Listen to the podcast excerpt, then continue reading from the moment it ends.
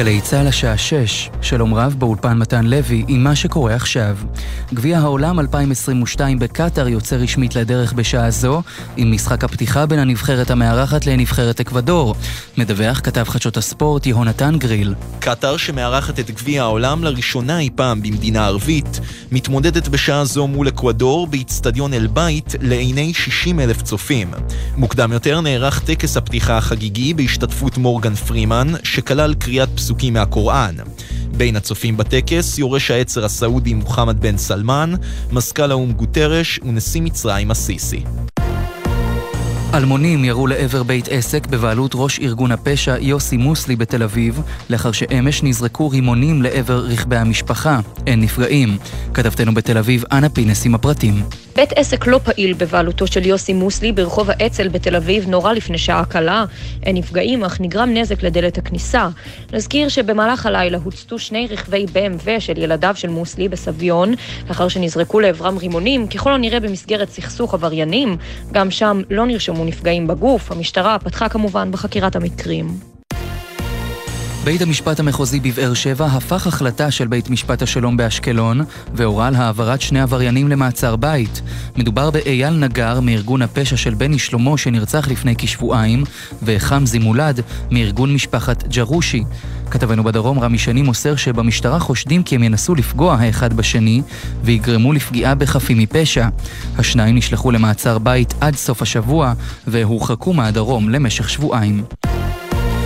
ברחוב אבן גבירול בתל אביב, צמוד לאתר עבודות של הרכבת הקלה, נפער בור או בולען. מדווחת כתבתנו הילי קרן. משאיות מלאות בטון הגיעו לבולען שנפער ליד כיכר רבין בתל אביב ומתחילות לאטום אותו. הבור בעומק של כמטר עד מטר וחצי נפער ליד עבודות הקו הירוק בכיכר רבין לפני כשעתיים.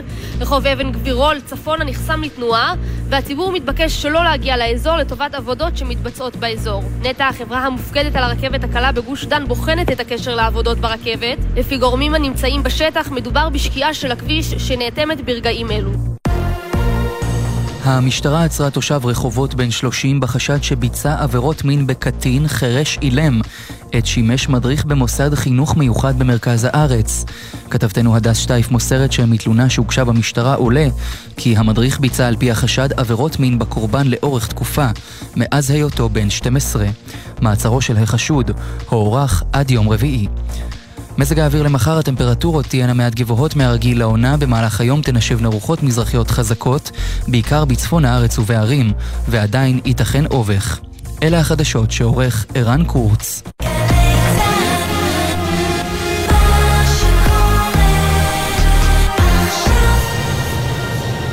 בחסות מחסני חשמל, המציעה מבצעים על מגוון מותגי הטלוויזיה לרגל גביע העולם, המונדיאל. גביע העולם, מונדיאל, ברשת מחסני חשמל. בחסות אייס, המציעה לכם את מבצעי Black Friday עם מגוון מוצרים לבית. כי גם הבית שלכם רוצה לפרגן לעצמו במבצע.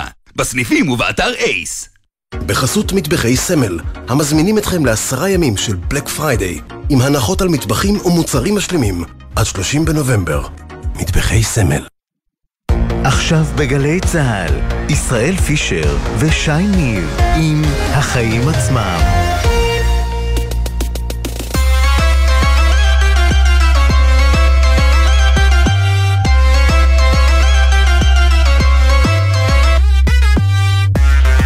עכשיו שש וארבע דקות, אתם על החיים עצמם, התוכנית הכלכלית-חברתית של גלי צה"ל.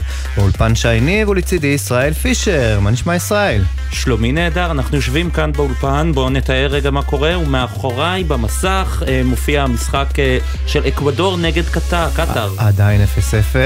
כן, נעדכן אה, כמובן, אני שמח שסוף סוף מתחיל המונדיאל, או גביע העולם, כמו שאנחנו קוראים לו כאן בגלי צה"ל. אנחנו לא תוכנית ספורט, המאזינים שלנו יכולים לסמוך עלינו שנביא היבטים כלכליים וחברתיים של גביע העולם, משריקת הפתיחה ממש עכשיו, לפני שתי דקות ושלוש עשרה שניות, אה, ועד הגמר בעוד קצת פחות מחודש. כן, אז אה, גם לזה נגיע.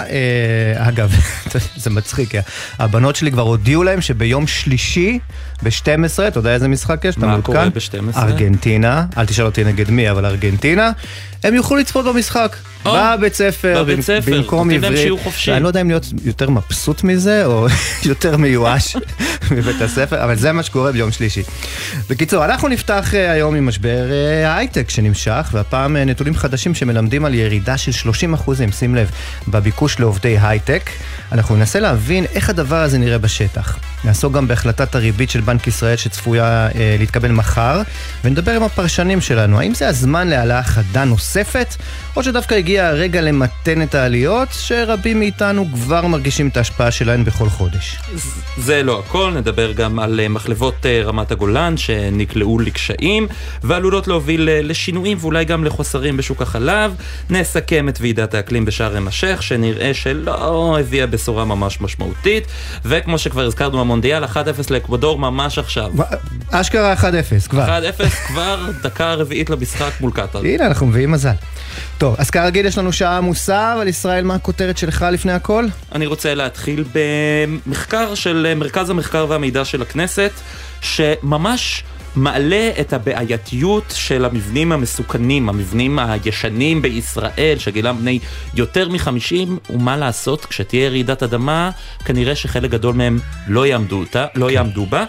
לפחות 7% ממבני המגורים בישראל הם בני 50 ויותר, יש לא מעט מבנים ש... אמנם בני פחות מ-50, אבל סטנדרט הבנייה שלהם נמוך. אז שמע, אני לא יודע איך לספר לך את זה, יש משהו כזה, זה קצת סודי, אבל זה נקרא תמ"א 38. לא אבל שמעת. לא כדאי, זה בדיוק העניין. לא משתלם לעשות תמ"א בבניינים האלה. נכון. וכאן נכנסת אה, אחריות המדינה לנושא, שבאמת הציגה תוכניות, אבל גם התוכניות שעכשיו הציגה שרת הפנים איילת שקד, לא מספיקות לפי מחלקת המידע אה, והמחקר של הכנסת, והרשות להתחדשות עירונית במשרד השיכון והבינוי מסרו בתגובה לכלכליסט, האחריות על מצבו הפיזי ויציבותו של כל מבנה היא על בעל הנכס ומהנדס הרשות בתחומה הוא נמצא. כלומר, מה אתם רוצים מאיתנו? זה בעלי הנכסים, שהמדינה שלחה אותם במקרים רבים לגור במקומות מוחלשים ולא כדאיים להתחדשות עירונית, ועכשיו המדינה היא זו שצריכה לדאוג לפריפריה שתצליח לעמוד בסיכונים שעומדים מולה. חד משמעית, וזה אגב, זו תוכנית, אה, לפני העניין של חיזוק אה, מבנים ורעידות אדמה, תוכנית חברתית, פשוט להכניס אוכלוסיות חזקות לשכונות שבדרך כלל הן שכונות ביטלו את חלשות. הגול, דרך אגב, סליחה שאני קוטע אותך. מה, הוואר, מה שנקרא וואר, כן. יש מערכת כזו, היי כן, בואנה, אנחנו אנחנו שולטים. ממש מעדכנים, לגמרי, כן. אנחנו יכולים לשדר מונדיאל חופשי. כן. טוב, תשמע, בשבועות האחרונים, מן הכותרת שלי, כן. התפרסמו כל מיני נתונים שמצביעים על ירידה חדה אה, בצריכה של משקאות ממותקים. רגע, אני לוקח שלוק בשביל זה? על רגע, אה, לא יאמן, אתה אשכרה שותה אה, דיאט, אה, זה לא דיאט, זה זירו. זה זירו. בסדר, זה עדיין רע, אבל בואו נדבר על זה. זה מגונה. תשמע. אני מסכים שזה מגונה. התפרסמו כל מיני נתונים שמצביעים על ירידה חדה בצריכה של משקאות ממותקים על רקע המס החדש שנכנס בתחילת השנה לתוקף. זה שקל על כל ליטר של משקה ממותק ו-70 אגורות על כל ליטר של משקה דיאט, כמו שלך. אה, למרות הנתונים, בחברות המשקאות ובהתאחדות התעשיינים, טענו בצדק אגב, שאי אפשר לייחס את הירידה הזאת למס החדש שהוטל, בגלל שממילא בשנים האחרונות הייתה ירידה בצריכה של המשקאות המותו- הממותקים. בצדק אתה אומר את ה... כן, כי, כי הייתה מגמה, הייתה מגמה ברורה ועקבית. אבל אז הגיע בנק ישראל. ביום חמישי האחרון מפרסמת חטיבת המחקר של הבנק נתונים מרתקים. ומרתקים בעיקר בזכות דבר אחד חשוב שהבנק עשה, וזה ניקוי מגמה. כלומר, גם בבנק ישראל היו ערים לעובדה שבשנים האחרונות ישנה ירידה בצריכה של משקאות ממותקים, או ליתר דיוק, לפי הנתונים שלהם, מאז 2015 ירידה של 5% בממוצע בשנה במשקאות עתירי סוכר, וירידה של אחוז במשקאות הדיאט. לפי uh, בנק ישראל, אם לא מתחשבים במגמה הזו, השנה נרשמה ירידה של 40% במשקאות הממותקים. ואחרי שמנקים את המגמה, עדיין נשארים ירידה של 30%, שזה הרבה הרבה יותר מאותו ממוצע של 5% בשנה, כן? עכשיו, ברור מעל כל ספק שהירידה החדה שנרשמה השנה מקורה באותו מס מיוחד שהטילו, נכון? אז- כן. טוב, אז מסתבר, לא? ש... אה, זהו, שלא. מסתבר אה, שאת נשיא, אוקיי. לפחות, את נשיא התאחדות התעשיינים זה עדיין לא משכנע. גם אחרי הנתונים הדרמטיים האלה, הוא טוען, המס נחל כישלון חרוץ. ומה ההסבר שהוא מספק? אותה מגמת ירידה עקבית שנצפתה בשנים האחרונות. אז תשמע, ישראל, אה, אם התאחדות התעשיינים חוזרת על אותו טיעון, גם אחרי שבנק ישראל מפרק אותו לרסיסים, הכישלון החרוץ היחיד בסיפור הזה הוא שלה. המס עובד, גבירותיי ורבותיי, שתו מים, גם אתה ישראל. אני גם צריך, אני מסכים איתך בזה, אני מסכים איתך, לא, לא, לא מתווכח, מה שנקרא. מצוין. יאללה. נתחיל? נתחיל? יאללה. אז שים לב, היום אה, פורסמו נתונים שמצביעים על זה שהיצע המשרות בהייטק ירד בכמעט שליש. אנחנו מדברים על ההייטק, הוא הקטר של המשק הישראלי. כן, הלשכה המרכזית לסטטיסטיקה, אותנו- צריך לומר, אה, אה, אה, דיברה על ירידה כללית במשרות הפנויות, מה שנקרא, אבל באמת בהייטק הירידה היא אנחנו דרמטית רוא- ביותר. אנחנו רואים את זה גם בביקוש למהנדסים וגם בביקוש לעובדי מעטפת, מה שנקרא, עובדים בתחומים של שיווק ותמיכה וכולי, ואנחנו רוצים לדבר על זה, על הנושא הזה, עם דנה בש שלח, שהיא מייסדת שותפה של חברת הגיוס אה, הטכנולוגית iTalent. ערב טוב, דנה. ערב טוב. אז מה, באמת הנתונים שפורסמו היום, אה, אפשר באמת לראות אותם במציאות כמשהו שקורה? אה, תשמע, עם נתונים אין להתווכח, אבל חשוב מאוד לשים לב איפה אנחנו רואים את הירידות ואיפה הן משמעותיות פחות. התחלת ואמרת נכון שיש את אה, משרות המעטפת, מה שנקרא, כל מה שהוא סביב לעולמות ההנדסה. זהו, הסברתי את זה, תסבירי לנו מה זה משרות מעטפת, שאני ידע, נדע בדיוק מה זה.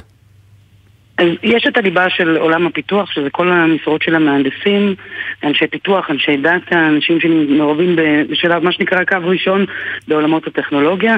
אלה התחומים שנפגעו פחות. שם אנחנו אה, עדיין רואים יציבות מאוד מאוד גדולה בביקושים, ולכל מהנדס כזה, אם הוא היום אה, יתחיל לחפש את מקום העבודה הבא שלו, עדיין הוא יהיה היצע מאוד מאוד משמעותי של משרות. אלה משרות הליבה. המשרות שמסביב אנחנו נדבר יותר על מה שנקרא תומכי הלחימה, אה, כל, מה, ש- כל תפקידי התפעול, אה, אולי אה, נדבר גם על עולמות אה, אה, הלקוחות. אה, והמרקטינג שוב, גם בחלקים מאוד מאוד ספציפיים שלהם, במקומות שכנראה היו קצת יותר עודפים. דנה, תקני אותי אם אני. טועה, אמ, את כבר משהו כמו 20 שנה לדעתי בתחום, היית מגייסת בעצמך בחברת השמה, אמ, עבדת אחר כך בחברות גדולות כמו HP ואחרות. איך אה, נראה, אני לא יודע אם לקרוא לזה אה, משבר או משברון, אה, לעומת תקופות אה, קודמות, נניח אה, 2009 למשל? אה, אי אפשר, אפשר לדבר על זה כבר במושגים של משבר, אנחנו אה, בשבועות האחרונים אה, שומעים הרבה מאוד על מה שקורה בחו"ל וכמובן זולג לארץ, אז ברגע שמטה החליטה לפטר בשבוע אחד כ-11 אלף עובדים, אין ספק שזה גם נמצא ויושב היטב אצלנו.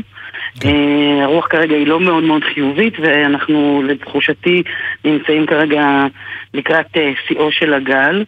אה, אני חושבת שזה מאוד משפיע על האווירה בארגונים. אין ספק שתחושת הביטחון של העובדים בתוך הארגונים אה, מתערערת. את מדברת עם עובדים, מה את שומעת מהם? מה הם מספרים לך כשאם הם חושבים עכשיו אה, להחליף מקצוע, אולי להחליף מקום עבודה, לא מקצוע, אה, להתרענן טיפה?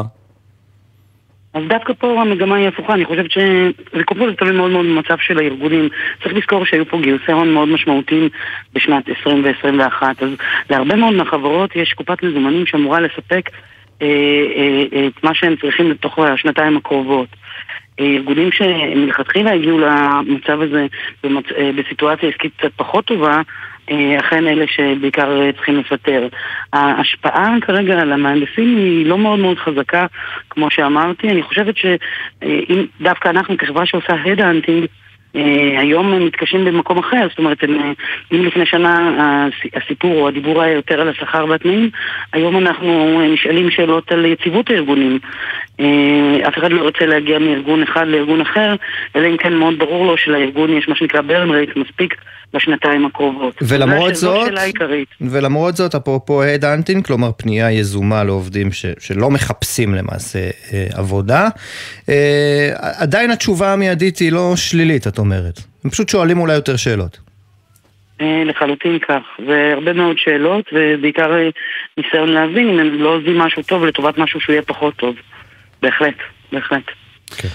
את הזכרת מקודם את אה, כל הנושא של אה, השכר, אז עובדים מוכנים להתפשר עכשיו קצת על שכר אולי? מנמיכים את הציפיות שכר שלהם, את הדרישות? תראה, הייתה פה, היו פה שנתיים משוגעות בתעשייה שלנו. אה, כולנו זוכרים את ה-24 טעמים אה, של גלידה, ואו-טו-טו היינו ב-48, אז אנחנו לא רואים ירידה בשכר, אנחנו רואים עצירה. זה כשלב ראשון אה, עצירה, ואני לא חושבת שיהיו פה ירידות מאוד מאוד, מאוד, מאוד משמעותיות, כי עדיין, כל, אנחנו מדברים על האוכלוסייה של המהנדסים המאוד מאוד מבוקשים, ועדיין יש חוסר של כמה עשרות אלפי אלפים כאלה, אז אם הם לפני שנה קיבלו שש הצעות, אז השנה הם יקבלו כנראה שלוש הצעות. כלומר, השכר הוא עדיין אה, גורם אה, קריטי ומשמעותי, אבל אני חושבת שהיום הוא משני לטובת הנושא של ביטחון ולהגיע למקום שיש לו מה שנקרא אורך נשימה מספיק משמעותי, משמעותי בתעשייה שהיא כל כך משוגעת. אז אם עד היום דיברנו על, במונחים של מה שנקרא שוק של עובדים, כלומר העובד הוא זה שעושה סוג של שופינג ואפילו נאמר מראיין את המראיין, כן, את המעסיק. מוקדם מדי לדבר על שוק של מעסיקים? כן, אני חושבת שהמושג הזה קצת... ככה שמעתי גם וקראתי בסוף שבוע האחרון המון על הכוח עבר למעסיקים. אז צריך להבין, יש דברים שקרו בתקופת הקורונה ושינו את העולם שלנו, מה שנקרא ב-180 מעלות, ולא נחזור אליהם כבר. אני אתן לך דוגמה למשהו שגם היום בשוק שהוא מאוד, מה שנקרא, משתנה, לא ישתנה. עבודה מהמשרדים? שאנחנו, לחלוטין, עבודה מהבית. ועבודה היברידית משהו שהפך להיות מה שנקרא צורך השעה ואנחנו עדיין רואים בקרב אותם מהנדסים שאין נכונות לשנות את הדבר הזה ויש ארגונים שנורא רוצים היום לחזור, אתה רואה מה קורה בטוויטר וככה כמה חברות אחרות שרוצות להחזיר את העובדים. הכוח עדיין נמצא אצל העובדים, אני פחות אוהבת לדבר על זה במושגים של כוחניות, אני חושבת שזה יותר המקום הזה של מה חשוב לי כעובד ואנחנו רואים שזו עדיין נקודה מאוד מאוד קריטית לרוב המהנדסים שאנחנו מדברים איתם. ומצד שני, אתה יודע, יש משהו מאוד טבעי, לפחות בסביבת עבודה שבה, את יודעת, ככה יש איזה דיבור או משהו מרחף ככה באוויר, יש איזושהי אפשרות לפיטורים או לצמצומים, יש איזה משהו טבעי בככה להיראות יותר, להגיע קצת יותר למשרד, כלומר יכול להיות שנראה פה איזשהו הליך הדרגתי ככה ואיטי. כן. יכול מאוד להיות, יכול מאוד להיות, וזה זה בדרך כלל קורה בסיטואציות כאלה. שוב, יש... רוב הארגונים שאנחנו עובדים איתם ברוב השוק די, מה שנקרא, הכריז, ויש חברות שאמרו שהן נשארות for good במודל הזה. אני חושבת שלהן יש עדיין יתרון מהותי, כי ברגע שהבחירה נמצאת אצל העובד, האם להגיע או לא להגיע, אם בסופו של דבר יבחר שכן, אז זה יהיה מהמקום שלו, לכן כן. בהחלט צריך להמשיך להקשיב פה ולראות לאן... אנחנו מבטיחים להקשיב, זה נושא מרתק, ואנחנו עוד נדבר איתך ועם אחרים. דנה בש שלח, מייסדת שותפה בחברת איי-טאלנט, תודה שהיית איתנו. תודה לכם.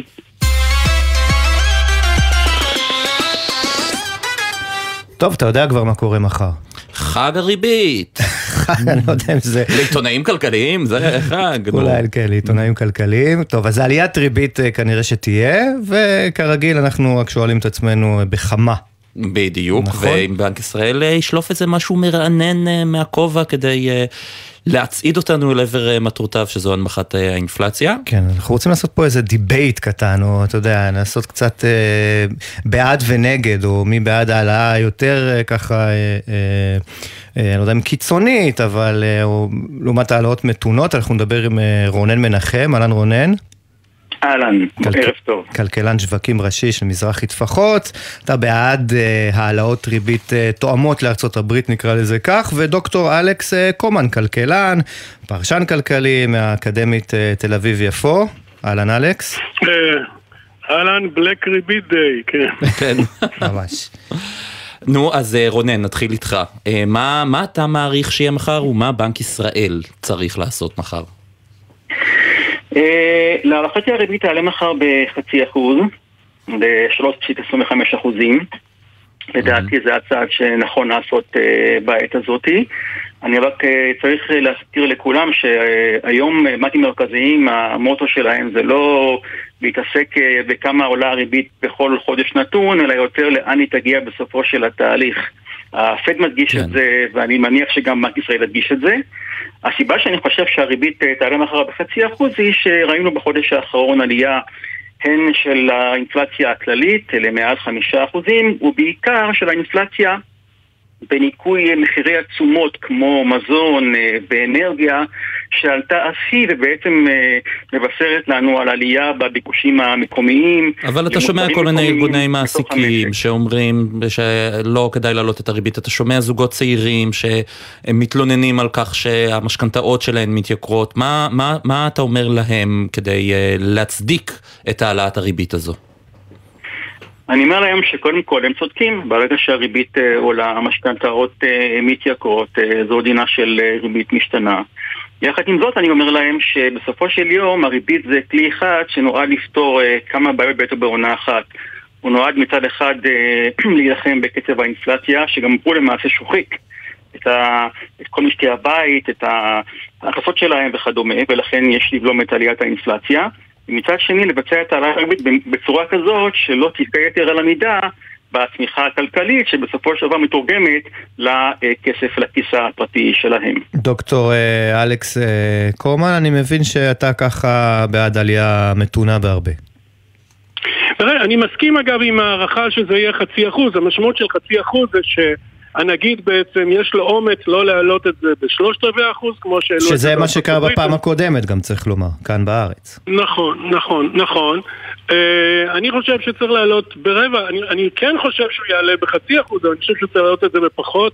אני חושב שהנגיד לא מגלה מנהיגות, הוא בסך הכל פחות או יותר רואה מה שקורה בארצות הברית ומוריד מזה איזושהי מידה. בין השאר זה הגיוני מהעובדה שהאינפלציה אצלנו נמוכה מאשר בארצות הברית וגם באירופה. אז אז ייצור אה, פערים בריביות בין השווקים ויש לזה השפעות על נכון. אה, שערי החוץ וכמובן על היצואנים הישראלים. אז הנגיד עושה את הדבר הצפוי ואפילו מה, בנאלי נאמר? בנאלי, בנאלי. אני חושב, אני אגיד לך למה אני חושב שהפערים האלה הם טובה, אלה טובה, משום שאם הריביות בארץ תהיינה נמוכות מאשר בארצות הברית, אז למשקיעים השקל יהיה פחות אטרקטיבי וזה יחליש את השקל. וזה דבר שבנק ישראל חתר אליו כי זה יעודד את הייצוא. זאת אם השקל הוא חלש, אז היצואנים שלנו כן. הם זולים, הם אטרקטיביים ותחרותיים, אז זה אחד הדברים שנרוויח מזה. דבר אחר, אה, צריך לקחת בחשבון שחלק מהתשומות של הבנייה זה הריבית, משום שהרי הקבלנים פונים לבנקים כמו בנק המזרחי שילוו אותם, ו- ו- ולכן הריבית מגולמת במח- במחיר של הדירות, בסופו של דבר הזוגות, זאת הזוגות, מי שקונים את הדירות הם אלה שמשלמים את הריבית הגבוהה יותר, אז זה לא אקמול כזה שאתה אומר, אם נרגום אותו עם הרבה אקמול, בסוף ה... החיידקים הש, ימותו. השאלה איך מאזנים, אלכס, בין השיקולים, הרי, הרי מה, ללכת על האמצע? כי הרי אה, בתרחיש כזה שאתה הולך על האמצע, זה, החשש הוא שזה קצת לא פה ולא שם, אתה יודע, זה, זה, האפקט יהיה חסר, הייתי אומר. כן, אני חושב אני חושב, תראה, יש שיטת ניהול אה, שנקראת אג'ייל, היא שיטה מאוד פופולרית היום, אני חושב שיטה... והרעיון של אג'ייל אומר שאתה עושה פעולה. עכשיו, התגובות לפעולה, בניגוד למה שאנחנו מכירים במערכות נגיד פיזיקליות, שאתה עושה פעולה ומיד מקבל תוצאה, במערכות כלכליות התגובות הרבה יותר איטיות. ולכן הייתי חושב שהמהלכים צריכים להיות יותר מתונים, ולראות האם זה עוזר או לא עוזר. ואם כן, אז אפשר להפסיק עם כן. ההעלאות. אה, רונן, אה, אני כן. אה, רוצה לשאול אותך עד כמה למשל תחזיות שקשורות להאטה חריפה יותר במשק הישראלי וגם למדיניות ממשלתית שונה, מדיניות תקציבית ממשלתית שונה שתהיה רחבה יותר ומרחיבה יותר, עד כמה זה צריך להיות חלק מהשיקולים של בנק ישראל כבר בהחלטת הריבית מחר? קודם כל, לפני בנק ישראל, אה, מעניין לציין אה, דברים שקרו השנה, אה, דיברו על הבנק הפדרלי האמריקאי ואמרו שהוא אפילו היה רוצה לגרום לאיזשהו מיתון בכלכלה האמריקאית כדי לגרום לירידה בביקושים המצרפיים שם ובלחצי המחירים. כך שבאיזשהו מקום מיתון כלכלי הפך מאיזשהו חשש לאיזשהו כלי שיכול לעזור לו לסייע בהורדת אה, האינפלציה. עוד פעם, מיתון הופך לכלי שמשרת את הבנק המרכזי, זה... כן, הבנק הפדרלי אה, רוצה למעשה להקטין את הביקוש המצרפי בתוך הברית. והוא יודע שאם הוא יגרום באיזשהו מקום להאטה כלכלית, אז הדבר הזה אה, יקרה. כמובן שהוא עושה את המנעד בין ההאטה שהוא מדבר עליה לבין עליית האינפלציה, אבל בוא נגיד שבסופו של יום במציאות שנוצרה אה, יש מחיר שבנק מרכזי מוכן היום לשלם במונחי מיתון אה, קל, אה, קצר מועד, לטובת הדברת האינפלציה שזו תופעה שיכולה להתפשט ולהיות ארוכת מועד. לגבי שאלתך, בישראל המצב הוא קצת שונה, כי התמיכה הכלכלית פה יותר גבוהה וחזקה מאשר ברוב המדינות המפותחות, אה, בטח בהשוואה למדינות אה, אירופה. יש פה תמיכה חיובית של 2.1 ברבעון השלישי של השנה, אה, כמעט 6% בהשוואה לרבעון המקביל של השנה שעברה, כך שבנק ישראל בקטע הזה יכול לפעול מתוך ההנחה שעוד העלאת ריבית של חצי אחוז לא תפגע במהות של הצמיחה במשק. כן. לגבי הנושא השני ששאלת אותי, המדיניות הפיסקלית, תראה, הממשלה החדשה אה, בתפקיד החדש, תקופת התפקידה כשלמעשה התקציב נמצא בעודף, תוצאה מאוד נדירה, וגם היא אגב שונה לגמרי ממה שקורה היום אה, בעולם, שכולו אה, כמעט נמצא בגירעון פיסקלי. עודף אה, כזה מאפשר לממשלה לוותר על מקצת מהעלאות המחירים שהיא רצתה אולי לבצע במחירים של מוצרים ושירותים ממשלתיים, או אולי להאריך עוד יותר את הפטור על הבלו של הדלק, דברים שאפשר לעשות אותו כשיש לך את העודף התקציבי, ואם הדברים האלה אכן יעשו, זה גם יהיה איזשהו כוח שתורם להורדה של האינפלציה, וכמובן שבנק ישראל יקבל את זה בברכה. כן. אני חייב לשאול את, אותך, אלכס, עם כל הכבוד לעצמאות של בנק ישראל, אתה כבר צוחק, אוקיי. אני, אני שואל את עצמי פשוט אם זה אידיאלי שבטח בתקופות כאלה של משבר, או, או נקרא לזה, גוף אחד בעצם מקבל החלטה שהיא החלטה די קריטית. האם הוא רואה בכלל את התמונה כולה? האם הוא לא צריך להתייעץ פה עם גורמים נוספים, בין היתר עם, עם הממשלה? אני מסכים. ראשית, יש פה מבנה שהוא מיועד ליצור קונפליקט. זאת אומרת, ספציפית, בנק ישראל לא מקבל הוראות מהממשלה, וההנחה היא שתמיד שרי אוצר ירצו להיטיב עם הציבור כדי להיטיב עם עצמם, ואז הם יגידו לבנק תדפיסו וכולי. אני מסכים לחלוטין שהוא צריך להכפיף את עצמו למדיניות של ממשלה, והממשלה שמסתמנת היא הממשלה, זה אימא של כל השפגטים. שבצד אחד יש לך את דרעי, שהוא בעצם רוצה לתמוך בהמון תלמידי ישיבה, ומנגד יש לך את סמוטריץ' שהוא ליברטרי. ויותר קיצוני כן, מזה... זהו, זה צדדים הפוכים, כן. אגב, הוא ליברטן באזורים מסוימים בארץ, אתה יודע, יש מקומות שבהם כן, הוא תומך בהרחבה תקציבית, אני מניח. נכון, אני מתאר את זה בצורה אולי קצת פשטנית, אבל מה שאני רוצה להגיד שמבחינה אידיאולוגית יש פה פער מאוד מאוד גדול, שאיכשהו... ש, ש, שלכן יהיה מאוד מעניין לראות מה תהיה באמת המדיניות של הממשלה. זה, זה ממש הפתיע אותי, אני חייב כן. להגיד, דיברת קודם על העודף, זה שבעצם שר האוצר היה כל כך מאופק וקפוץ במובן הטוב של המילה, והביא אותנו לעודף, אני מתלהב מזה שליברמן עשה עבודה... טוב, אז משובע. הוא קיבל uh, מחמאה. והנה uh, יש לנו עד מחר, זה לא עוד הרבה זמן. כן. כן. כן, רונן מנחם, כלכלן שווקים ראשי במזרחי טפחות, ודוקטור אלכס קומן, כלכלן בכיר מאקדמית תל אביב-יפו ופרשן בתחום הכלכלי, תודה רבה, ערב טוב. תודה רבה וערב טוב.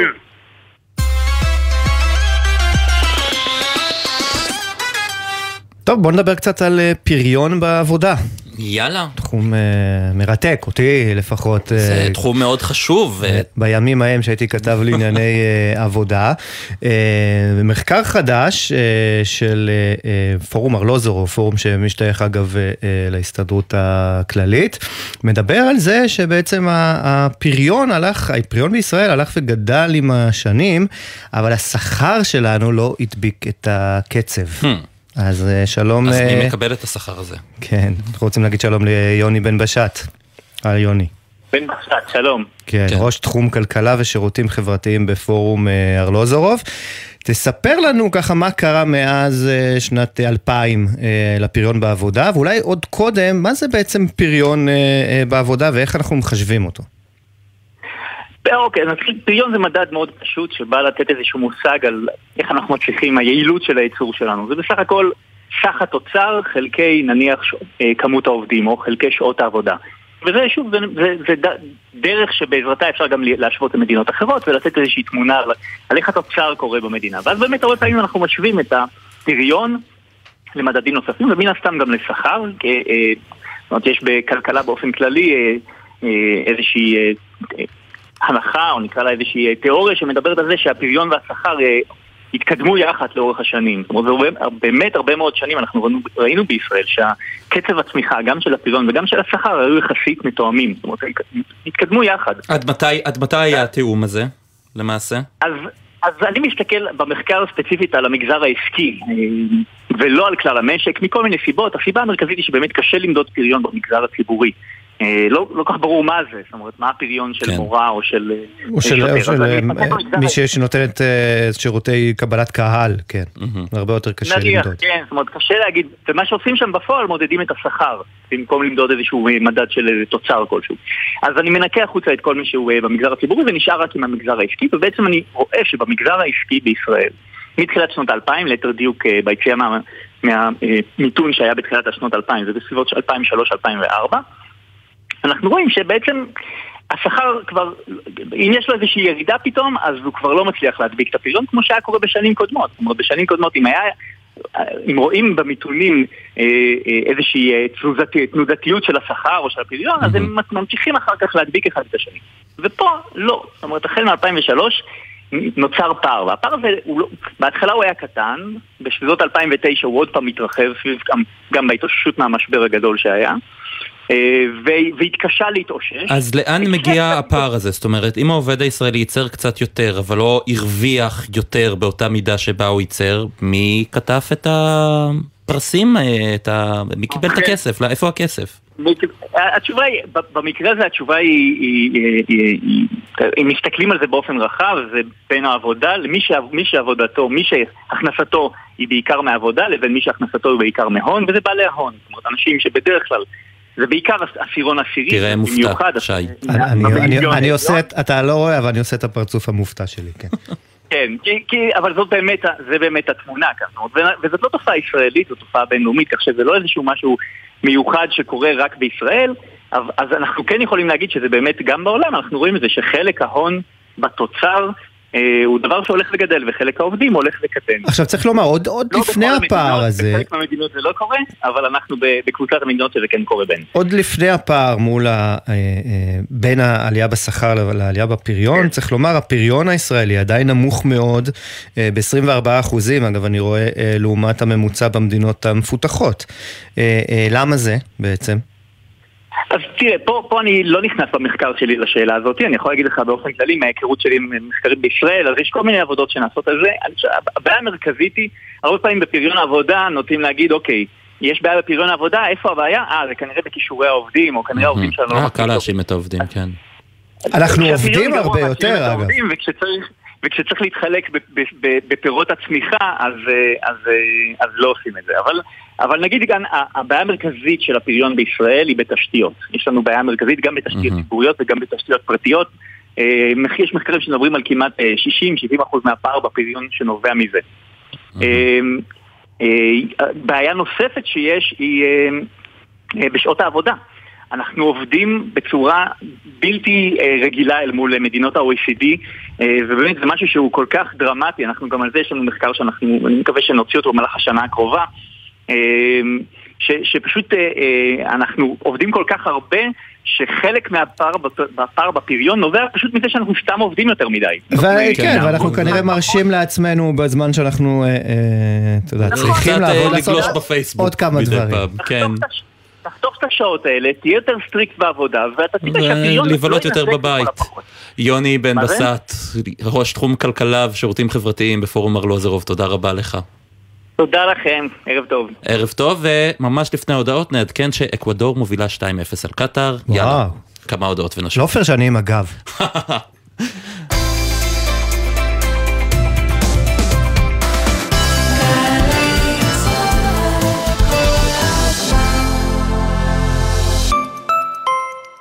שלום, כאן לימור לוריה, הסמנכ"לית וראש אגף השיקום במשרד הביטחון. ועידן קליימן, יושב ראש ארגון נכי צה"ל. לקראת יום ההוקרה לפצועי מערכות ישראל, אנו מזמינים אתכם לצעוד איתנו, להוקיר את נכי צה"ל ולהצדיע להם.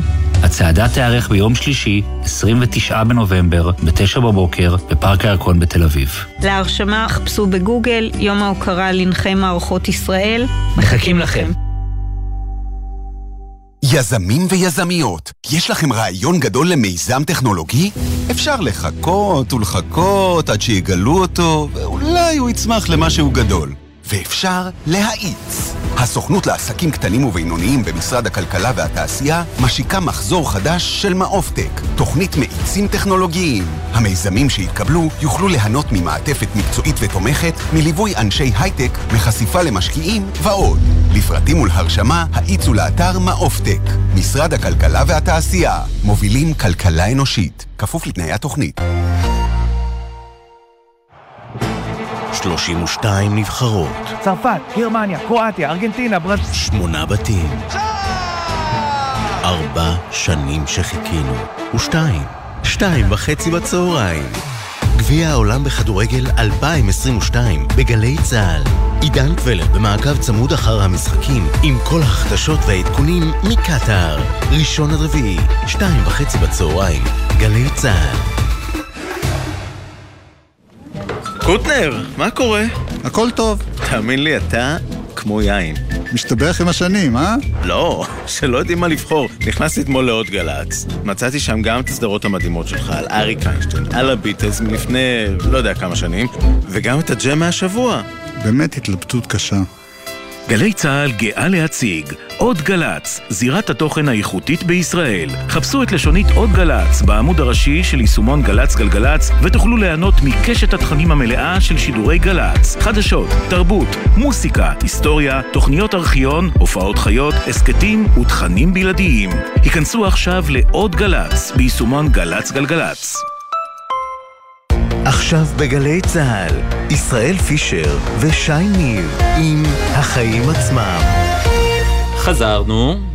כן, ומחלבות אה, רמת הגולן, אה, המחלבה אגב החמישית בגודלה, אה, נקלעה לקשיים, כבר אנחנו מדווחים על חשש מחוסרים במותג הפרטי של שופרסל. וזאת על רקע עליית, עליות המחירים של תנובה ששמענו עליהן בשבוע שעבר, בעיקר בתחומי החלב. בדיוק, תכף נתעמק בעניין הזה, ונמצאת איתנו כאן עינב קרנר, כתבתנו לענייני צרכנות. היי עינב.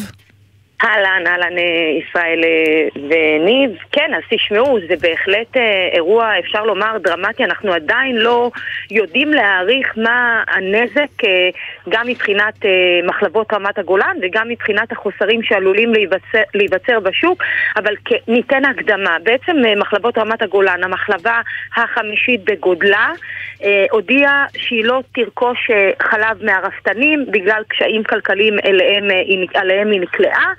צריך לומר שמעבר למותג הפרטי של שופרסל, שזה גם, אה, אה, שהיא מייצרת להם גם את החלב בפיקוח וגם אה, גבינה צפתית ובולגרית, היא משווק, מייצרת גם עבור מקולות רבות ועוד רשתות קטנות וגם למחלבות גד, מה שאומר שכרגע נוצר פה איזשהו ואקום ומחסור, מועצת החלב פנתה לכל המחלבות, צריך לומר שלא הייתה היענות בכלל, למעט תנובה שהסכימה לקחת את זה על עצמה. שזה מעניין בהקשר הזה. ולמכור את זה במחיר גבוה יותר ממה שהם מכרו בעבר. סליחה, ש... מחיר גבוה. המחיר של תנובה, אני מתאר לעצמי, הוא וחיי עליית המחירים. לא, לא, אבל אנחנו מדברים פה על המפוקחים, אנחנו לא מדברים על השוק הלא מפוקח. המפוקחים כבר המחיר עלה, וזה המדינה קבעה. אבל הסיפור הוא אחר. הגם שתנובה אמרה שהיא תיקח את זה על עצמה, והיא תעשה מאמצים להגביר את אה, ייצור החלב, והיא גם תקנה מהרפתנים את החלב כדי שהם לא ייפגעו, לפחות בגזרה שלהם אה, כלכלית, זה עדיין לא אומר שאנחנו לא נראה מחסור בחלב. ואת הדברים האלה מאוד קשה להעריך כרגע, כמו שאמרתי, ייקח ימים אה, אה, כדי שאנחנו נדע להעריך אה, עד כמה המחסור הזה אה, עלול אה, להיות חמור. כל זה גם קורה אגב בזמן שיש איזשהו, ככה נאמר, סכסוך עסקי בין תנובה לשופרסל, כלומר שופרסל מתנגדת להעלאת המחירים של אה, תנובה במוצרים הלא נכון. מפוקחים, כן. והנה דווקא תנובה היא זו שמתערבת בעניין הזה ורוכשת את החלב של אה, מחלבות רמת הגולן. נכון, אבל צריך להגיד פה בהקשר הזה שזה, על פניו זה אמור לשנות את כללי המשחק, כי כמו שאמרת, שי, אה, תנובה מתנגדת, אה, לח- סליחה, שופרסל מתנגדת לחלוטין להעלאת המחירים, בדיוק כמו שהיא עשתה עם טרה, וכרגע שאותה מחלבה שמייצרת את מותג הבית של אה, שופרסל, זה מעמיד אותה במקום הכי לא נוח והכי לא, אגב, גם היא לא מוכנה לזה, אבל ממה שאני מבינה, שופרסל ביום שלישי, אה, שזה עוד יומיים, העלאת המחירים בתנובה היא עדיין, ההחלטה שלה עדיין עומדת בעינה, והיא לא מתכוונת אה, לסגת מההחלטה כן. לא לאשר את העלאות המחירים. זה בהחלט מעניין לראות איך יתנהל כל בואי- הדבר הזה שמחלבה. עינב קרנר, כתבתנו לענייני צרכנות, תודה רבה. ונגיד אה, שלום עכשיו לליאור שמחה, מנכ"ל אה, ארגון יצרני החלב בישראל, ערב טוב. אהלן, שלום חברים, ערב טוב. למה קשה לייצר בישראל תחרות למחלבות הגדולות? תראה, אני חושב שכל... זה- א', זה יום קשה אה, לכל מי שמאמין בדבר הזה שנקרא עבודה, תעשייה מקומית וחקלאות ישראלית, וככה שמחלבות אה, נקלעות לקשיים, זה לא, זה לא טוב גם אם המחלבה החמישית. לגבי רגע התיקון, אה, מה שעינב אמרה, אה, מחלבת רמת הגולן מייצרת 20 מיליון, לי- בשיעור של 20 מיליון ליטר. אנחנו, השוק אה, הוא סדר גודל של אה, 1.5 מיליארד.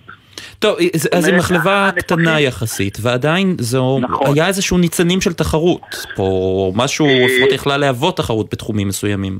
נכון, נכון, נכון. ברגע שהשוק הפתוח, בסדר, אה, מגלה את פניו ומורידים את המסכות ויש תחרות אה, מאוד מאוד קשה עם היבוא, אז, החזק, אז החזקים שורדים. זה מה שנקרא אה, התגלמות השוק הפתוח. ולכן אני בא ואומר אה, בצורה מאוד ברורה, זה הזמן של המדינה להתערב, לבוא ולהגיד... היא לא, אה, המדינה לא מתערבת כל הזמן אגב בחקלאות? אפילו ארגון ה-OECD אומר למדינה, תתערבו קצת פחות באופן עקיף, אלא יותר בצורה ישירה. אז הנה, הנה, אנחנו, זה, זה בדיוק מה שאני אומר. הסיפור של המדינה לבוא ולחלשים ולהגיד אנחנו צריכים לעזור לחז... לחלשים ואולי אפילו להוריד קצת את החזקים, אבל הסיפור הגדול איך. לא, איך עושים את זה? איך מורידים את החזקים, כמו שאתה אני אומר? חושב, אז, אז אני חושב שבוא נתחיל בלעודד את החלשים, ובטח שיש אירוע כזה, אז צריכים ללכת לקראתם ולעזור להם במענקים, ובכלל, מחלבה ברמת הגולן, רפתות ברמת הגולן, חקלאות ברמת הגולן, זה משהו שהמדינה חייבת לעודד, וחייבת לתמוך ולעזור, ולא להגיד כוחות השוק היד הנעלמה, אלא לבוא ולהיות כן. uh, שמה. שמע, יש שם 100 משפחות שמתפרנסות מהמחלבה הזאת. אבל הנה שם תנובה 17 אמרו שהם. ירכשו את החלב מהרפתנים שם. נכון, ופה אני רוצה להגיד, ופה דווקא אני רוצה לבוא ולהגיד מילה טובה לתנובה. לתנובה יש בעיות לוגיסטיות קשות, צריך להבין שחלב, אה, רמת הגולן לצערי הרב, היא מעבר לשטח הירוק, מחלבה שמייצאת לא יכולה להשתמש בחלב שהוא מעבר, לשטח, ל, ל, מעבר ל, אה, לקו הירוק. הירוק. והמשמעות, כן, והמשמעות זה רמת הגולן, בקעת הירדן, אה, שומרון, אה, וזה בעיות לוגיסטיות לא פשוטות, ולמרות שתנובה לא צריכה את החלב, ולמרות שיש שם עניין לוגיסטי, היא צריכה לקחת את החלב מרמת הגולן כל יום לרחובות, כי ברחובות זה מחלבה שלא מייצאת, היא עדיין באה ואומרת, יש לי אחריות, אני מבינה, אני נכנסת מתחת לאלונקה. כמה עולה להפיק ליטר, לייצר ליטר חלב? אנחנו מקבלים על ליטר חלב 2.4 שקלים. ו... זה הרווח, מקבלים- זה, זה הסכום שמקבלים הרפתנים על ליטר חלב, וכמה נכון. זה עולה להם? מהן ההוצאות שלהם? תראה, זה, המנגנון, זה, זה נקרא מחיר המטרה, המנגנון כן. הוא מנגנון מאוד מאוד קשוח, על פניו מי שקובע את המנגנון הזה זה המדינה, יושבים שם כלכלנים באוצר, ותראה את גודל האבסורד, במנגנון הזה אין רווח. יש מנגנון של התייעלות שכל שנה, כל אה, רבעון, סליחה, המחיר הולך ונשחק, בשנה יורדים בסדר? המחיר מחיר מטרה יורד בשתי אגורות, זה המון. סליחה, בשני אחוז. זה המון, ושזה ארבע אגורות, וכל שנה ככה זה הולך ונשחק, הולך ונשחק. ותגידי ליאור, מה ששחק סופית את המחלבה הזו זה ההתמהמהות אולי של המדינה עם האישור אה, לייקר את החלב המפוקח? אז כן, כן, אני מניח שגם, שגם בזה יש, אה, גם לדבר הזה יש חלק. אה, וההתמהמהות הזאת, אגב, הם לא קיבלו את הפיצוי שזה, נכון? אנחנו רצינו ככה לדחוק את הפיצוי, לדחוק את הפיצוי למטה ולעשות הסכמים עם המדינה ולראות, לגלות פה אחריות לאומית ולראות איך אנחנו לא מקפיצים את המחירים ועושים עליות, עליות מינימליות. אגב, אה, אה, חשוב להזכיר שמחירי מוצרי המזון עלו בחצי מסל סל מוצרי המזון, סליחה, מוצרי החלב עלו. בחצי מסל אה, מוצרי המזון. אז- אה, זאת אומרת שעדיין אנחנו, ככה יש עוד פער להשלים עד שנגיע למדד בכלל. תשמע, אני חייב להגיד לך, אני עקבתי מקרוב אחרי הקמפיינים אה, אה, אה, במערכת הבחירות האחרונה, ושמעתי את אה, ראש הממשלה המיועד, אה, בנימין אה, נתניהו, מבטיח לחקלאים, אני אסבסד את החקלאים. אתה ראית את זה, ישראל? ראיתי, אתה נו, הבטיחו הרבה דברים. פגש את החקלאי כן, בסופר? בטח. אז הנה, יש למה לקוות. לצפות. אז אני מאוד מאוד, אני מאוד מקווה ומצפה. ככל שאנחנו מאמינים. כן. אנחנו קודם כל מקווים שתהיה תחרות בריאה ב- בשוק. ליאור שמחה, מנכ"ל ארגון יצרני החלב בישראל, תודה רבה, ערב טוב. תודה רבה, ערב טוב לכם.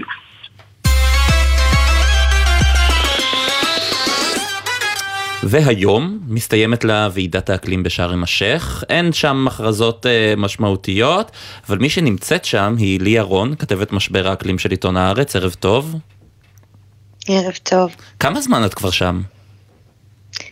אה, יותר משבועיים, אני כבר אה, ממש היום שסגרו את הכנס עליי מאחרונת היוצאות, הרגשתי, כמו שאומרים, זה לא כל כך נעים לראות גן סגור. אה, את, את מבלה שם? את אה, מ- מכן, מ, אני יודע, פאנל לפאנל, או אה, ש... לא, לא, זה היה כנס ממש ממש עמוס, כלומר זה הייתי לא מונדיאל, הראשון חביבי, לא היום. לא, ששולחים כתבי. ספורט, זה- כן. הלוואי, הלוואי. היום עם החוסר שעות שינה הלכתי לקנות מתנות ל- לחזרה, לא, ממש לא היה. תשמעו, באמת הוועידה הזאת נגמרת כמובן עם אכזבה מאוד גדולה ובלי התוצאה שרצינו, אבל אי אפשר להגיד, זה לא שאנשים שם הסתלבטו רגל על רגל, ממש לא. נפגשו 40 אלף אנשים מכל מדינה ומדינה בעולם, והיו פה שבועיים של דיונים אה, רציניים בניסיון להגיע להתקדמות. לצערנו, ו- והיה גם, ונדבר גם על ההתקדמות שכן נעשתה, כן? שאנחנו לא צריכים לבטל אותה בנושא הקרן למדינות העניות, אבל בסופו של דבר, בנושא שלשמו התכנסנו במצרים, אה, לפעול בשבע שנים האחרונות שהמדע נותן לנו למנוע התחממות של מעל למעלה וחצי, לצערנו שוב, ראינו שיש פערים גדולים מדי בין המדינות כן שמבינות הסכימו? את גודל כן? השעה ורוצות לפעול, לבין המדינות שעדיין רוצות להמשיך להרוויח כסף מדלקים פוסיליים, ולא כל כך מעניין אותם העתיד שלנו.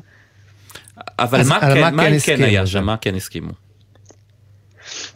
אוקיי, אז בעצם אמ, זה היה, זאת הייתה הוועידה הראשונה מזה מספר שנים טובות שהייתה באפריקה, ובתוך הסיפור הזה כל הפעילים של הצדק האקלימי, והמדינות האלה באו ואמרו, חבר'ה, זה הזמן לעלות ולדבר על הנושא של ה...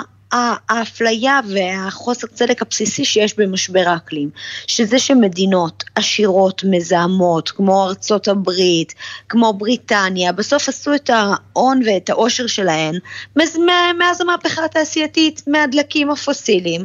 אה, הן אחראיות לכמות אסטרונומית של פליטות גזי חממה, אבל מי שהיום לצערנו משלם את המחיר על שינוי האקלים שכבר קרה, זה מדינות עניות, מסכנות, כמו למשל פקיסטן, שהיא מה היא תרמה? היא תרמה חצי אחוז מההתחממות, זה כלום, אבל שליש מהמדינה מוצף. ולהן או קניה, מבטיחים עכשיו שסובלת פיצויים. מבצורות מטורפות. ולהן מבטיחים כן, פיצויים אז המדינות, בדיוק, המדינות האלה באו ואמרו, אנחנו לא ניתן שהכנס הזה ייגמר בלי שתשלמו לנו פיצויים. אה, כל הזמן הסיסמה שלהם הי- הייתה pay up, pay up, pay up for lost and damage. זה הם, כשביידן הגיע לפה, לא משנה איזה מנהיג הגיע לפה, הם לא נתנו לאף אחד לזוז בלי הדבר הזה, והלחץ שלהם... צודקות, צריך לומר, אה, לא? כן, הלחץ הצודק שלהם בדרישה, בדרישה שלהם אומרים, אנחנו לא גרמנו למשבר, אנחנו מתמודדים איתו, המינימום שאתם יכולים לעשות, כן, זה לשלם לנו כן. איזשהו סכום, ומה עם החברות איך... עצמן, את יודעת, חברות הנפט, הגז, אלה שבאחריות לחלק ניכר מהזיהום בעולם, הן השתתפו בתשלום הזה, בקרן הזה למדינות העניות? Uh, זאת שאלה מעולה, אז כרגע זה, זה באמת, וזה קצת מורכב, אז אולי ניתן עוד משפט להסביר, ואז... כן. אז, מה שהסכימו כרגע, שזה ההישג הגדול ההיסטורי שהיה היום בכל הכותרות של העיתונים בעולם, זה זה שתוקם הקרן הזאת. עצם זה, עצם ההקמה שלה, היא בעצם הכרה של ארצות הברית ושאר המדינות המזהמות באחריות שלהן ליצירת המשבר ובזה שהן צריכות לשלם. עכשיו, לשאלה של ישראל, אה, עכשיו, מי ישלם, כמה ישלמו, מתי ישלמו, הם לא החליטו את הדברים האלה. אה, וכמו שאנחנו יודעים, סטנו בפרטים הקטנים, כן? זה עדיין יכול אה, להשתבש ולהשתנות, והבטחות קודמות גם לתשלומים אחרים. ונשים רגע את התשלום הזה בצד, עם לא כל הכבוד לו, מה לגבי ההפחתה של 45% בפליטות גזי החממה עד שנת 2030? אני מבין שזה נגמר באיזושהי דקלרציה. זה נגמר בלי התקדמות משמעותית. אה, כל מי ש... שעוקב אחרי הדברים מאוד מאוד מודאג, ומזכ"ל האו"ם אמר את זה היום, ההסכם הזה של, ה... אה, של הפיצויים הוא חשוב, הוא יפה, אבל אנחנו לא הצלחנו, אבל אנחנו משלמים עכשיו על העבר, על מה שכבר היה, ולא מונעים את האסונות של העתיד. אמ, ובנושא הזה המדינות לא, כן. לא עשו התקדמות. כל הריבים פה, החשיפות שלנו היו מתוך המשא ומתן, על זה שהמדינות נלחמו שלא יהיה רידוד של מה שכבר הסכמנו עליו. היו פה מדינות כמו סין, כמו רוסיה, כמו ערב הסעודית, שפשוט ביקשו לסגת מהבטחות שכבר השגנו בשנים כמובן קודמות. כמובן שהן דחפו בסוף... את זה בגלל האינטרסים שלהם. לי ירון, אה, כתבת משבר האקלים של עיתון הארץ, אני בטוח שאת תצטרפי אליי לקריאה להשתמש בכספי אה, קרן העושר הישראלית למשל, כמו קרנות עושר. עושר אחרות שמקורן בזיהום וגז לטובת הסביבה. כן, בהחלט, ולמסות את רווחי הענק של חברות הדלקים הפוסיליים ולשלם למדינות הנפגעות, כן. בהחלט. לירון, תודה לכם. תודה רבה, ערב טוב. ערב.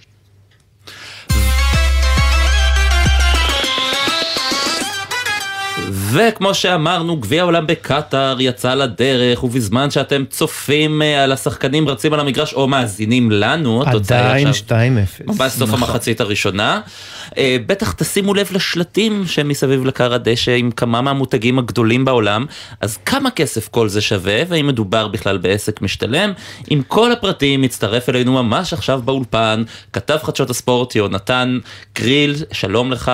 שלום ישראל בשי, ערב טוב, אז כן, 2-0 לאקוודור כרגע לקראת אה, סיום המחצית הראשונה, ודובר הרבה על המונדיאל הזה, מונדיאל אה, ראשון אי פעם במדינה ערבית, ועל הכסף שהושקע בו, כי כאמור לקטרים לא חסר כסף, כ-220 מיליארד דולר רק על הבנייה של האיצטדיונים והתשתיות, וכל זה ברקע הביקורת על אה, כ-7,000 עובדים שככל הנראה נהרגו במהלך הבנייה, ואת הדיווחים על ההתייחסות לקהילת הלהט"ב ואלכוהול. אז למרות כל הביקורת, אנחנו מדברים על כחמישה מיליארד צופים בגביע העולם בכל העולם בתקופת הזמן בחודש הקרוב, ולפי הערכות, הסכמי החסות האלו יניבו לפיפ"א רווחים בסך 1.1 מיליארד אה, דולר, אבל שימו לב, נכון, זה מספר עצום, אבל זו עדיין ירידה של 16 אחוזים בהשוואה לגביע העולם האחרון ברוסיה, ברוסיה. לפני uh, ארבע שנים, עדיין סכום מכובד מאוד, יש 27 נותני חסות רשמיים שאמורים לייצר בסך הכל רווחים בסך 1.7 מיליארד דולר. היה איזה סיפור עם הבירה, נכון? נכון, היה את הסיפור עם בדווייזר, אה, חברת בדווייזר, אה, שהייתה אמורה למכור אה, בירה חוץ מהאזורים שהם מיועדים לאוהדים, גם בתוך האיצטדיונים עצמם. אבל ממש אתמול, רגע לפני שגביע העולם נפתח, ואחרי שכבר אמרו שיהיה אפשר למכור בירה באיצטדיונים, בא קטאר והודיע, לא יקרה. אתם צריכים להסיר את כל הדוכנים, לשנות את השם של המותג, ובאמת אנחנו מדברים על סכום של 75 מיליון דולר שבדווייזר השקיע ופשוט uh, מבטלים אותו, מבטלים. מבטלים אותו ברגע אחד. ולפני שנמשיך בואו רק נשמע מה שנשיא פיפ"א אינפנטינו אמר uh, אתמול בתגובה להסכם עם בדווייזר. Uh, I think personally, if for three hours a day you cannot drink a beer, you will survive, especially because actually the same rules apply in France or in Spain or in Portugal or in Scotland, אז, where אה, no beer is allowed in כן. stadiums. אז אינפנטינו אמר שאני חושב שאפשר לשרוד אה, בלי לשתות בירה במשך שלוש שעות זה, ביום. זה מה שאני אומר לישראל עם הדיאט קולה שלו. חכה, אני חוזר הביתה הולך לפתוח בקבוק בירה. מזל שאין משחקים אה, יותר שזה המשחק האחרון אז אתה כבר לא תספיק אה, לראות אז אה, הוא אומר שבאמת אה, באיצטדיונים אחרים בעולם זה חוקים שלא קיימים אבל שימו לב בעקבות הביקורת היו גם הרבה חברות שהחליטו לוותר על הסכמי החסות שלהן אחרי המונדיאל ב-2014 אה, בין היתר אנחנו מדברים על אמירטס איירליינס וג'ונסון אנד ג'ונסון אז אה, מד- מדובר בהרבה מאוד ביקורת שמופנית כלפי החברות אבל עדיין זה שווה להן הרבה מאוד כסף וזה משתלם למרות הכל. משתלם, תכף נשמע עכשיו, אה, נפנה ליוסי פישר, שהוא מומחה לתיירות מלונות, יונתן גריל, תודה רבה. תודה לכם. שהוא מומחה לתיירות מלונות ותעופה, ערב טוב. ערב טוב. אז מה יוצא לקטאר מזה? מה שקטאר חיפשה ומה שקטאר מנסה לקבל זה ספירת השפעה כלכלית, אה, כלכלית ויחסי ציבור. ולא לא היה אירוע בעולם שבו מדינה קטנה שילמה 300 מיליארד דולר, זה לא 220 מיליארד, 300 מיליארד דולר לקבל יחסי ציבור. כמה זה יותר מהמדינות הקודמות שאירחו את המונדיאל זה- בשביל זה- לסבר את זה האוזן? בקנה מידה של פי- פי- פי- פי 100. פי 100. פי 100, וואו. מדהים. פי 100. אז כמה הן ירוויחו על זה? 300 אה, מיליארד, כמה הן ירוויחו על זה? הם, הם, הם, הם מדברים על 1.6 מיליארד דולר הכנסות לתיירות בשנת, למלונאות בשנת 2022. זה כלום. זה בעצם לא, אה, אה, אין פה בכלל, זה, זה לא עסק כלכלי. אבל מה לגבי הטווח הרחוק? כי אתה יודע, אני, אני, זוכר, אני זוכר למשל את, את, את ברצלונה, אמנם זה לא מונדיאל, אבל זה, זה אולימפיאדה, ברצלונה 92. עד אבל אתה הנקודה ההיא, אני לא אתה בטח זוכר, היא הייתה יעד די אה, זניח אפילו, כן, ועד עכשיו זה החזיק. ברצלונה זה יעד תיירותי, אתה, אה, בתור אחד שהיה בקטאר, אני הייתי בקטאר בשנת 2015, עוד לפני הסכמי אברהם, זה, זה לא יעד תיירותי. זה לא האמירויות. אה, בוא, בוא, בוא נשים את הכל בפרופורציה, אתה מדבר על מדינה שהיא גרגיר חול במפרץ. ולבנות 11,000 שבעה. אצטדיונים זה לא מה שיביא תיירים, אתה אומר. זה, זה, זה שבעה, זה, זה חוץ מזה שהם יוצרים שם את, ה, את, ה, את הפיאסקו הכי גדול מבחינה אקלימית בחודש הקרוב. אתה מדבר על פליטות אה, גזי חממה של עשרה מיליון טונות ב- ב- בעניין של חודש. עשרה מיליון טונות. אה, אז, אז מה, זה, זה הכי נותן להם. לגיטימציה בינלאומית, זה, זה, הרי העולם עכשיו מסתכל עליהם ואומר, אה, גביע העולם טורניר שערורייתי. זה, זה טורניר שערורייתי, הוא נולד בשערורייה והוא כנראה גם מסתיים בשערורייה. כן, אה, ואנחנו... אין פה, אין פה הרבה, אין פה הרבה מה, מה לטייח. אה, אה, כל מה שקורה פה, זה, זה תרבות של שופוני אנס. של מדינה, של מדינה ש... קצת כמו לקנות לעצמה- קבוצת כדורגל, הרבה עושים את זה פה ושם, רק ב-300 מיליארד דולר. כן, כן, רק תיקח בחשבון שיש לה את פריס סן- ג'רמן, זה גם שלהם. כן, זה גם שלהם. ויש להם, ויש להם אה, 25% מבריטיש איירווייז, ויש להם בקטאר איירווייז לבדה אה, אה, 238 מטוסים ועוד 158 מטוסים בהזמנה. ועכשיו יש להם את המונדיאל. כן, ומה, ש... ו... ומה שעכשיו אנחנו שומעים ברקע זה את השיר שככה ליווה את, אה, את המונדיאל ב-98 המשחק בצרפת. את המשחק כדורגל, פיפא 98. נכון, אה, משחק הכדורגל בשל- התבלבלתי, אבל זה. נהדר. כן. אה, יוסי פישר, מומחה לתיירות, מלונאות ותעופה, תודה רבה, ערב טוב. תודה רבה. אני צריך להגיד לך שזה באמת היה בנערותי, בצעירותי, זה באמת משחק מחשב שישבתי ובזבזתי עליו שעות רבות. שחקן בכלל כדורגל המונד- אמיתי אף פעם לא הייתי טוב. המונדיאל ב- בצרפת היה מדהים. והיה בקיץ, צריך לומר. לא בחורף. מי עושה לא. מונדיאל בחורף? טוב, בוא נגיד זה הזמן תודות. שלנו לסיים, כן? כן, העורך שלנו בן נצר, הפיק, לירון מטלון, לצידו נמרוד פפרני. אמרתי את זה נכון? פפרני. על- פפרני, על הביצוע הטכני אלה מוטולה, עורכת הדיגיטל יולי אמיר, מיד אחרינו 360 עם עידן קבלר. אתה תהיה פה מחר עם סמי פרץ. בהחלט, תודה רבה ישראל פישר. להתראות, ביי ביי.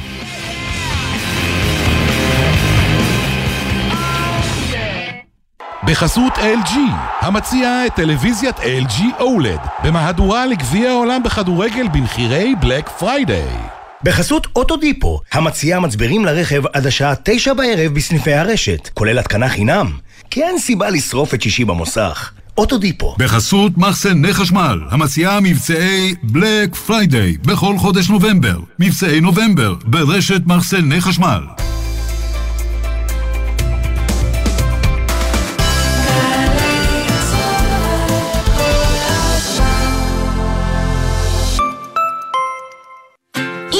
מענק מהמועדפת של כעשרת אלפים שקל אני צריכה להסתובב בכרמים ולראות את הזריחה על רמת הגולן, אעשה את זה. השתחררתם מהצבא או מהשירות הלאומי? גם עבודה בלתי מקצועית בכרם יכולה להיות עבודה מועדפת עם מענק של כעשרת אלפים שקל. היכנסו לאתר הביטוח הלאומי ותבחרו את המועדפת שתעניק לכם חוויה חד פעמית. שרפות רבות פורצות בבתי מגורים בעיקר בשעות הלילה. העשן עלול להרוג עוד לפני האש. בשרפה, או שגלאי העשן יעיר אתכם, או שלא תתעוררו בכלל. התקינו גלאי עשן בביתכם. זה פשוט להציל חיים. כבאות והצלה לישראל, המשרד לביטחון הפנים. שלום. תרומה אחת, מאה אחוז אהבה. בעוד יומיים יום ההתרמה לאוטיזם. פיתחו את הדלת והלב למתרימים ממערכת החינוך ומתנועות הנוער. שלום, כאן גיא הוחמן, ורציתי לדבר איתכם היום על כלים חשמליים שחייבים לנהוג בהם. גיא, סליחה, אבל אומרים לרכוב. רוכבים על אופניים חשמליים או גלגינוע, קורקינט חשמלי. נשמה של ברבור, לנהוג. תאמין לי, לרכוב. מהארשמלו של האבא, גם לנהוג. כי כלים חשמליים בכביש הם כלי רכב, ולכן הנוהגים בהם חייבים לציית לכל חוקי התנועה והתמרורים. לא עוברים ברמזור אדום, לא נצמדים לרכב מצד ימין בצומת, ונוהגים תמיד בצידו הימני של הכביש. כי אם רוכבים בכביש, נוהגים לפי החוקים. כולנו מחויבים לאנשים שבדרך, עם הרלב"ד.